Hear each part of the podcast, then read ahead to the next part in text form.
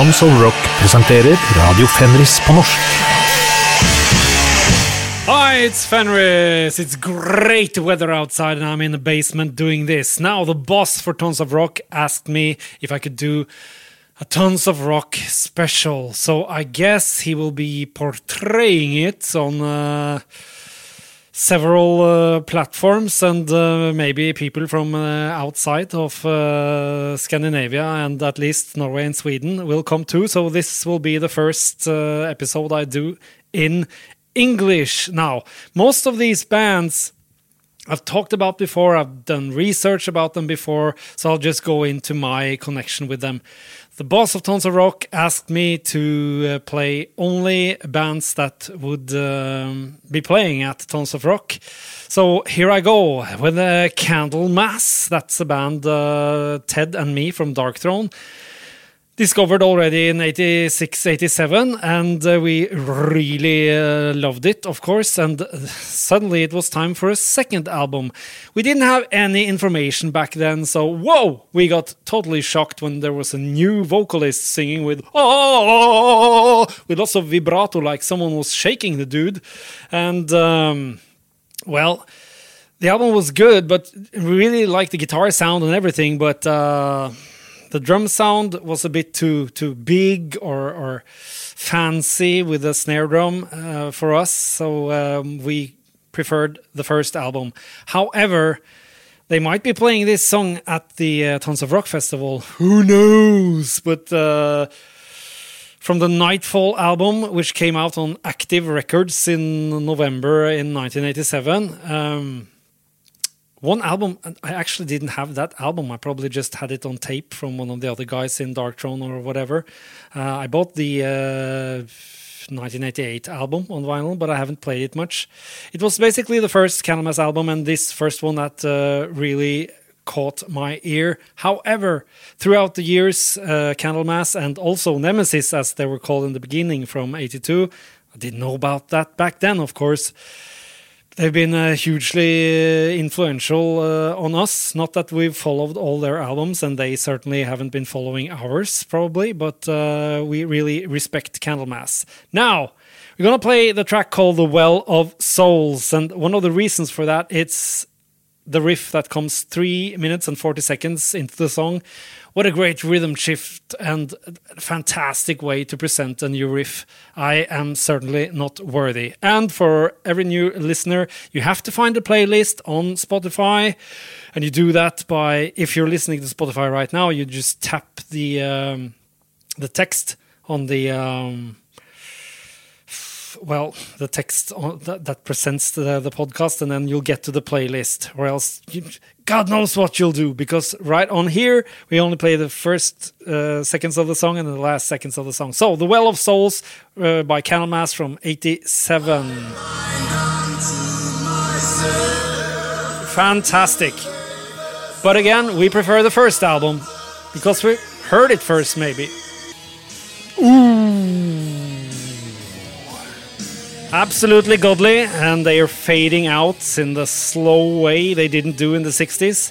Now, we went uh, almost a year after this album was out. We uh, went together uh, in Darkthrone uh, to a gig in Oslo at the Rockefeller Club. It was Slayer and it was Candlemass. And Candlemass opened, and when they came to this uh, riff here at 340 into it, uh, Messiah Marcolin made the crowd go like Nordic ski moves. I don't know. It felt really cheesy, but uh, extremely rememberable. he had a Nordic ski uh, move uh, to that riff. Moving on to Skid Row. Now, from 87, uh, 88, 89, I was really into the underground lots of demo trading, but I really got tired after a while. And already in 89, I started writing like melancholic and nostalgic lyrics. And I was already searching for my youth. And uh, Youth Gone Wild is the track you're going to play here from their self titled first album. I didn't care so much when they were trying to be tougher on the second album, but uh, this was out in January already in 1989 on Atlantic Records. The song Youth Gone Wild is like a mix between Pyromania and Invasion of Your Privacy album. Uh, I like Def Leppard and the Ratt there. Uh, they had a lot of demos. Now, going back to the uh, reasons that I got into Skid Row was again the nostalgia of 89 and then in 1990 I started looking a lot at my old record collection again.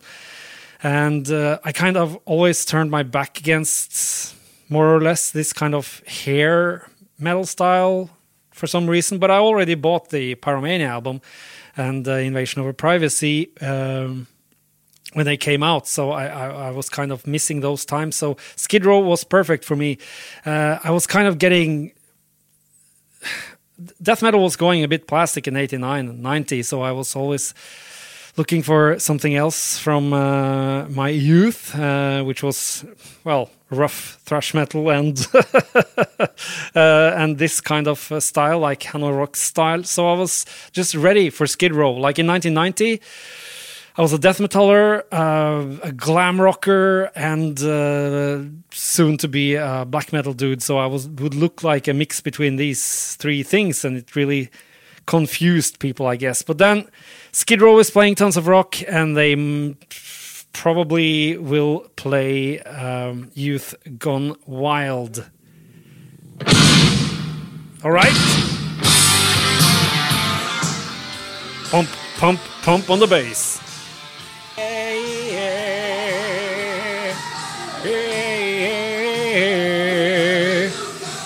It's madness if they don't play this at uh, Tons of Rock Festival.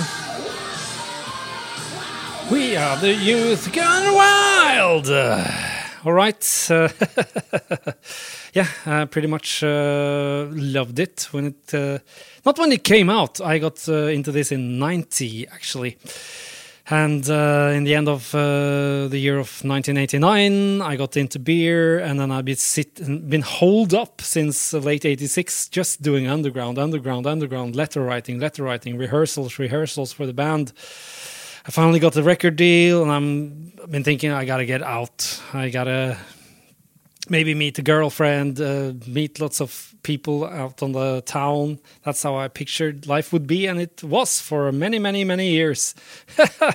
so uh, crazy times for me throughout the 90s there, especially at Elm Street, but all over Oslo, really. Moving on to another band that plays on tons of rock, Napalm Death. Everyone in uh, was listening to this band when uh, they came out with the Scum album and uh, the uh, From Enslavement to Obliteration album. However, uh, the guys in Mayhem even went as far as going there into England and visiting them, and then they have the the fun history uh, there by walking around in England, being hungry and finding um, burger chain that was called Wimpy's, and it's it was great fun. If you search deep through interviews, old interviews with Mayhem, you will see the references and the, and the stories there. Napalm Death started in 81 already in Birmingham, but probably didn't pick up the speed until um, 86 or something, inspired by perhaps bands like Siege or Repulsion. But this song I'll play now from the enslavement, uh, from enslavement to obliteration, this one, like the second riff on this song, inspired at least one riff on our Thulcandra demo by Darkthrone from early 89 and my vocals on that album. That's just the deep vocals going, not the vocals. All right, so Napalm Death uh, from their 88 album and the track called Unchallenged Hate, Hate, Hate, Hate, Hate. Growling along. Yeah. So Kolbotn uh, is the place where Darkthrone is from. Small place, six thousand people living there, or if you divide it up, maybe thirty thousand people. But it uh, exists out of many places normal for uh, maniacs from there in 87 88 and so on to uh, go to oslo which is like 15 minutes by um, public transport and buy albums and come back triumphantly especially triumphantly with napalm death uh, albums Moving on to a band we all knew about here in Norway. It was like the only big um, metal band, and um, I had their second album, uh, Nights of New Thunder, uh, where I like the uh, title track. But then in 89, uh, the record stores here started uh, taking in CDs and started selling their vinyls real cheap. So I bought a Tell No Tales album from 87 and the uh, Intuition album from 89.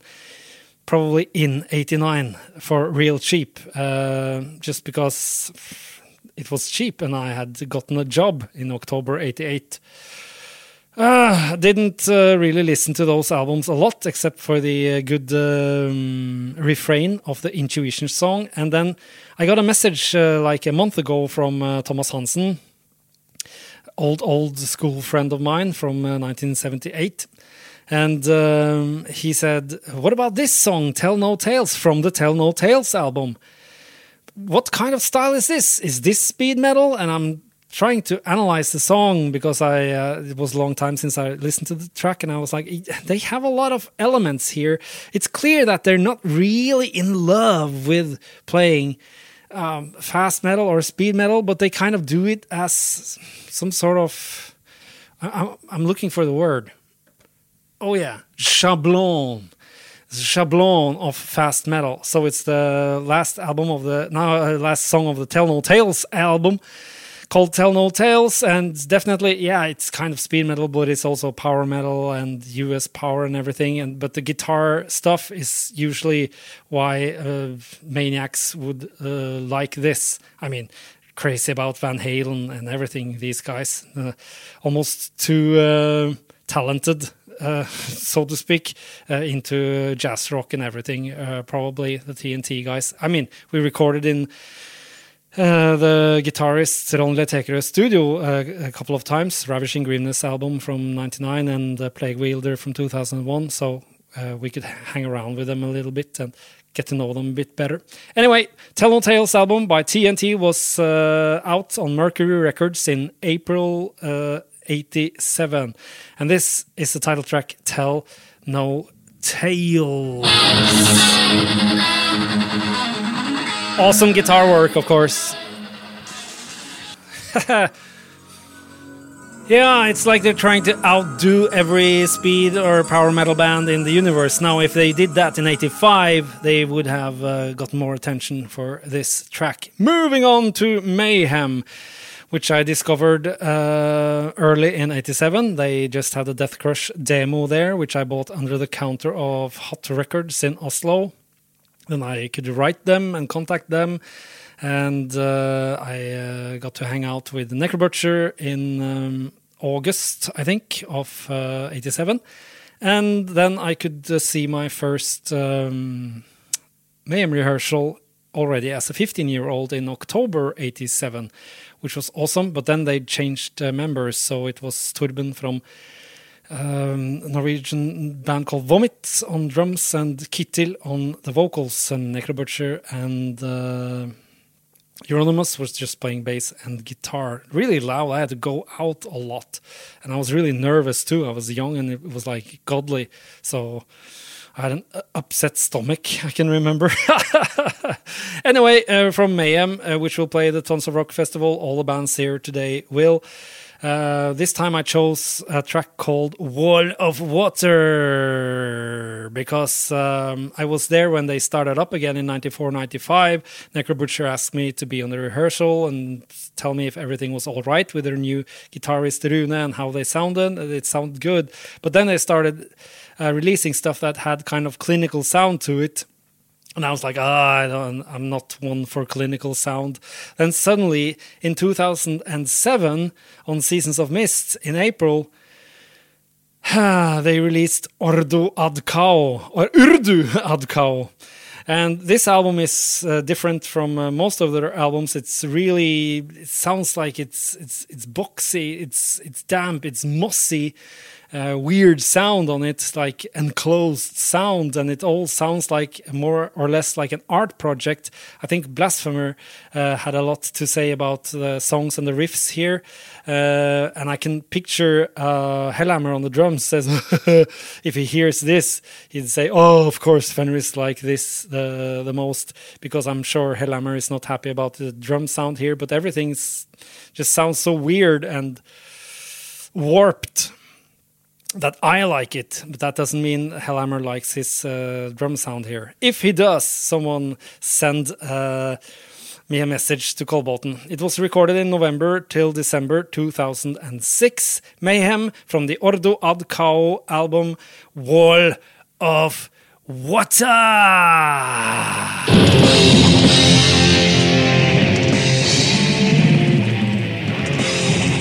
Focus on the guitars too. Yes. Ordo Ad Chao by Mayhem. More like a fantastical uh, dark art uh, project than anything else. Uh, Rune Eriksen, aka Blasphemer on guitars, really did his uh, most insane work here. Probably, maybe he has something uh, lying on some tapes here and there with extra insanity on it. Story of us with Mayhem is uh, so close because we're, you know, uh, so living so close to one another. And in the late 80s, yes, I was there having some contact, but I decided to not. Uh, annoy them too much either and they knew a bit, bit, how to play of course they're like three years uh, older than us and we just had to learn to play and we had different um, inspiration, inspirational sources and everything. But that all uh, started to become more linear as they went into uh, black metal and refused uh, new plastic sounding death metal and we did as well. Uh, so yeah, they had impact on us, uh, especially when they had done the uh, live in Leipzig uh, tape, which we already had, you know, on cassette from them in the late '90s, and that really inspired uh, stuff like um, "Where Cold Winds Blow," a track I did that I'm not so proud of, from "A Blaze Northern Sky," and then several parts of "Under Funeral Moon" was inspired by that. Um, before going in more or less separate ways. Now, another band that will play on Tons of Rock, Ghost. That started in Linköping. Linköping 700 år! From my favorite uh, Swedish punk band, uh, Raped Teenagers from Linköping. But uh, Ghost started in 2006. They, this punk band started in the 80s. Anyway, my first uh, meeting with Ghost was that uh, a dude uh, came up to us uh, when we had uh, some sort of uh, DJ sessions in the old town part of Oslo in 2007, 2008, and 2009. And in 2009, a dude came up with a demo and said he played in the band. And yes, he did in the beginning, but then he got out of the band. They uh, quickly got a record deal with Rise Above Records, which is Lee Dorrian's label. And Lee Dorrian, we have already heard, he was the vocalist on the Napalm Death song Unchallenged Hate that we played before. Now, Lee Dorrian started getting into doom metal and more rock related stuff uh, already in 89. So he started, uh, you know, Cathedral and everything. But he uh, fell for Ghost, and so did I. I really felt for that demo. I uh, pedaled it down to Götz Kühnemund in Germany, and everyone who knows metal in Germany knows that he is the boss, so he can make or break a band. So he um, made uh, Ghost. Of course, they made it with their fantastic music, but what was cool in the zeros and late zeros was that a lot of us were really tired of the production values of the 90s and late 80s and maybe early zeros. So with this fantastically dry drum sound that uh, this demo and the first album has, there was a lot of us standing behind Ghost from the Opus eponymous uh, album, we shall play. That it came out in October in 2010. We shall play the track called Prime Mover, which was probably also on the demo that I got, which was even more um, primitive. Anyway, uh, the vocals here sound really buttery, but they would be more and more buttery uh, throughout the career of Ghost. Um, probably they're really buttery now, but around here, I think why did I like the vocals here? And I discovered from uh, listening to this that it reminds me of the Voivod vocals from Nothing Face and that era and the two albums after, perhaps. So. Um, sounded really unusual and original. Uh, so at this point in time, 2010, Ghost was a revelation for a lot of people. And we're going to play the track called Prime Mover. Come on, Ghost!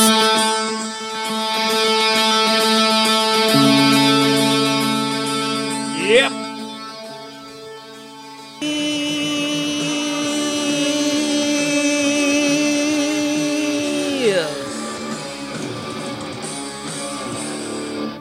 Excellent. They sound like uh, they're both relaxed and uh, rather intense at the same time. Now, the big fish that the Tons of Rock Festival caught this year was Guns N' Roses in Norway. For those in the know, they just call them Gunsen, which is really cool. Now, uh, with the Appetite for Destruction album, uh, that came out in 87, but people were lukewarm to it. Then videos uh, and touring uh, throughout 87 the videos probably started catching on to people in uh, 88 however this album was on geffen right which geffen def jam i mean they had well they didn't have the the cool beat and production maybe on the beastie boys album but they had it on slayer um, Raining Blood, like the sudden dry production, which just took everyone by by too much shock. And uh, the Reign in Blood album from Slayer had almost too much of an influence, kind of killed a little bit of the uh, death thrash that was around. Um, but um, Geffen certainly had. Um, a knack for for the sound. And what's cool about Appetite for Destruction is they didn't go for the, uh, the really clean sound of a lot of the hair or poodle metal bands, as we call them here in uh, Norway. Uh, this album sounds more like actually, if you're with me here, you could take the drum sound, take the bass, take the guitars, and imagine that they're playing thrash, and you you kind of have it. You know, it sounds really organic and and uh, and real. However, I I would only notice a video now and then, and uh, I would get into this at the same time as I did with Skid Row. So I was like three uh, years late discovering Guns N' Roses. But when I did discover this album, I just listened to it through and through in '87. So this was out in July 87, recorded January, June 87.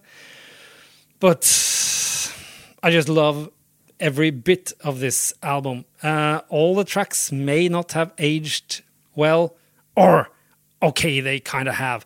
Anyway, I'm going for the My Michelle uh, track. He uh, used uh, uh, Les Paul for all of the recordings, but uh, on this track, he, he changed to a 60s uh, Les Paul because he thought it had a darker sound or something. That's what Wikipedia told me anyway. So Guns N' Roses, or Gunsen, as, call, uh, as we call them here, and a track called My Michelle.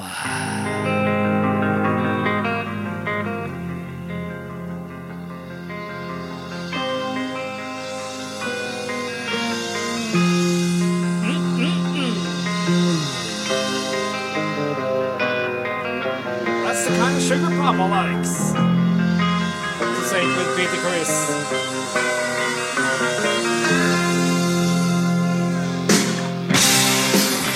Yes, reverb, it's stomping!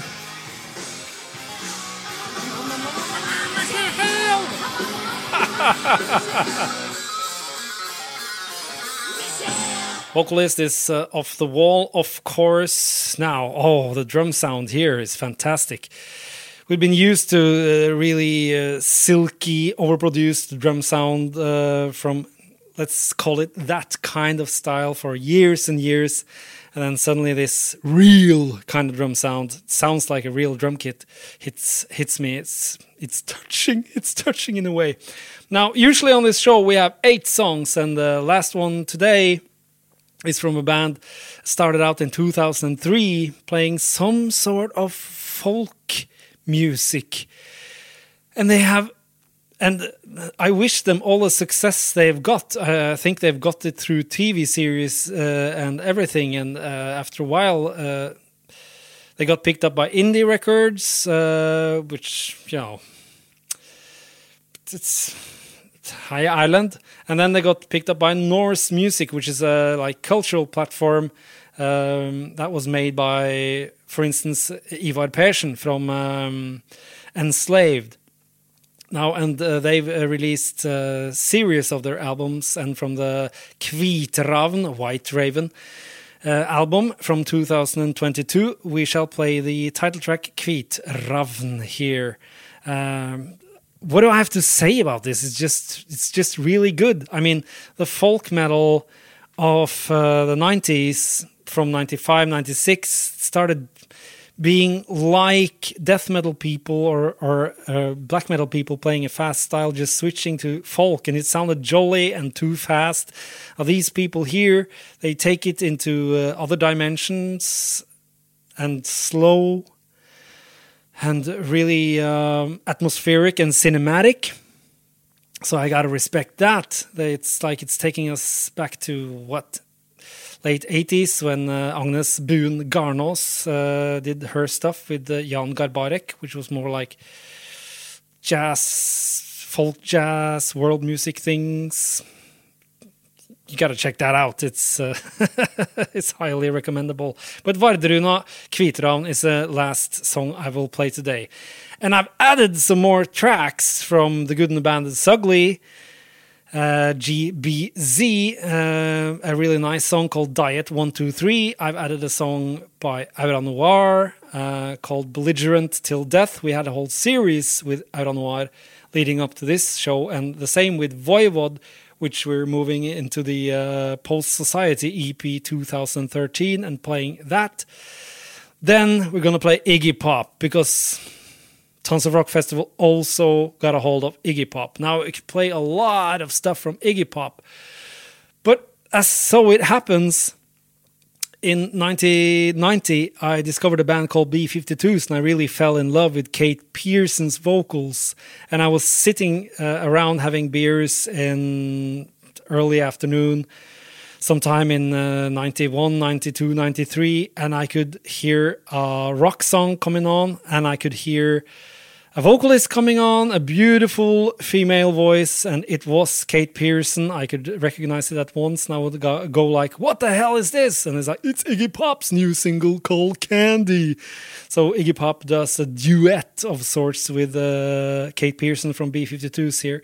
So I'm throwing that one in instead of one of the rougher songs from Iggy Pop, and then.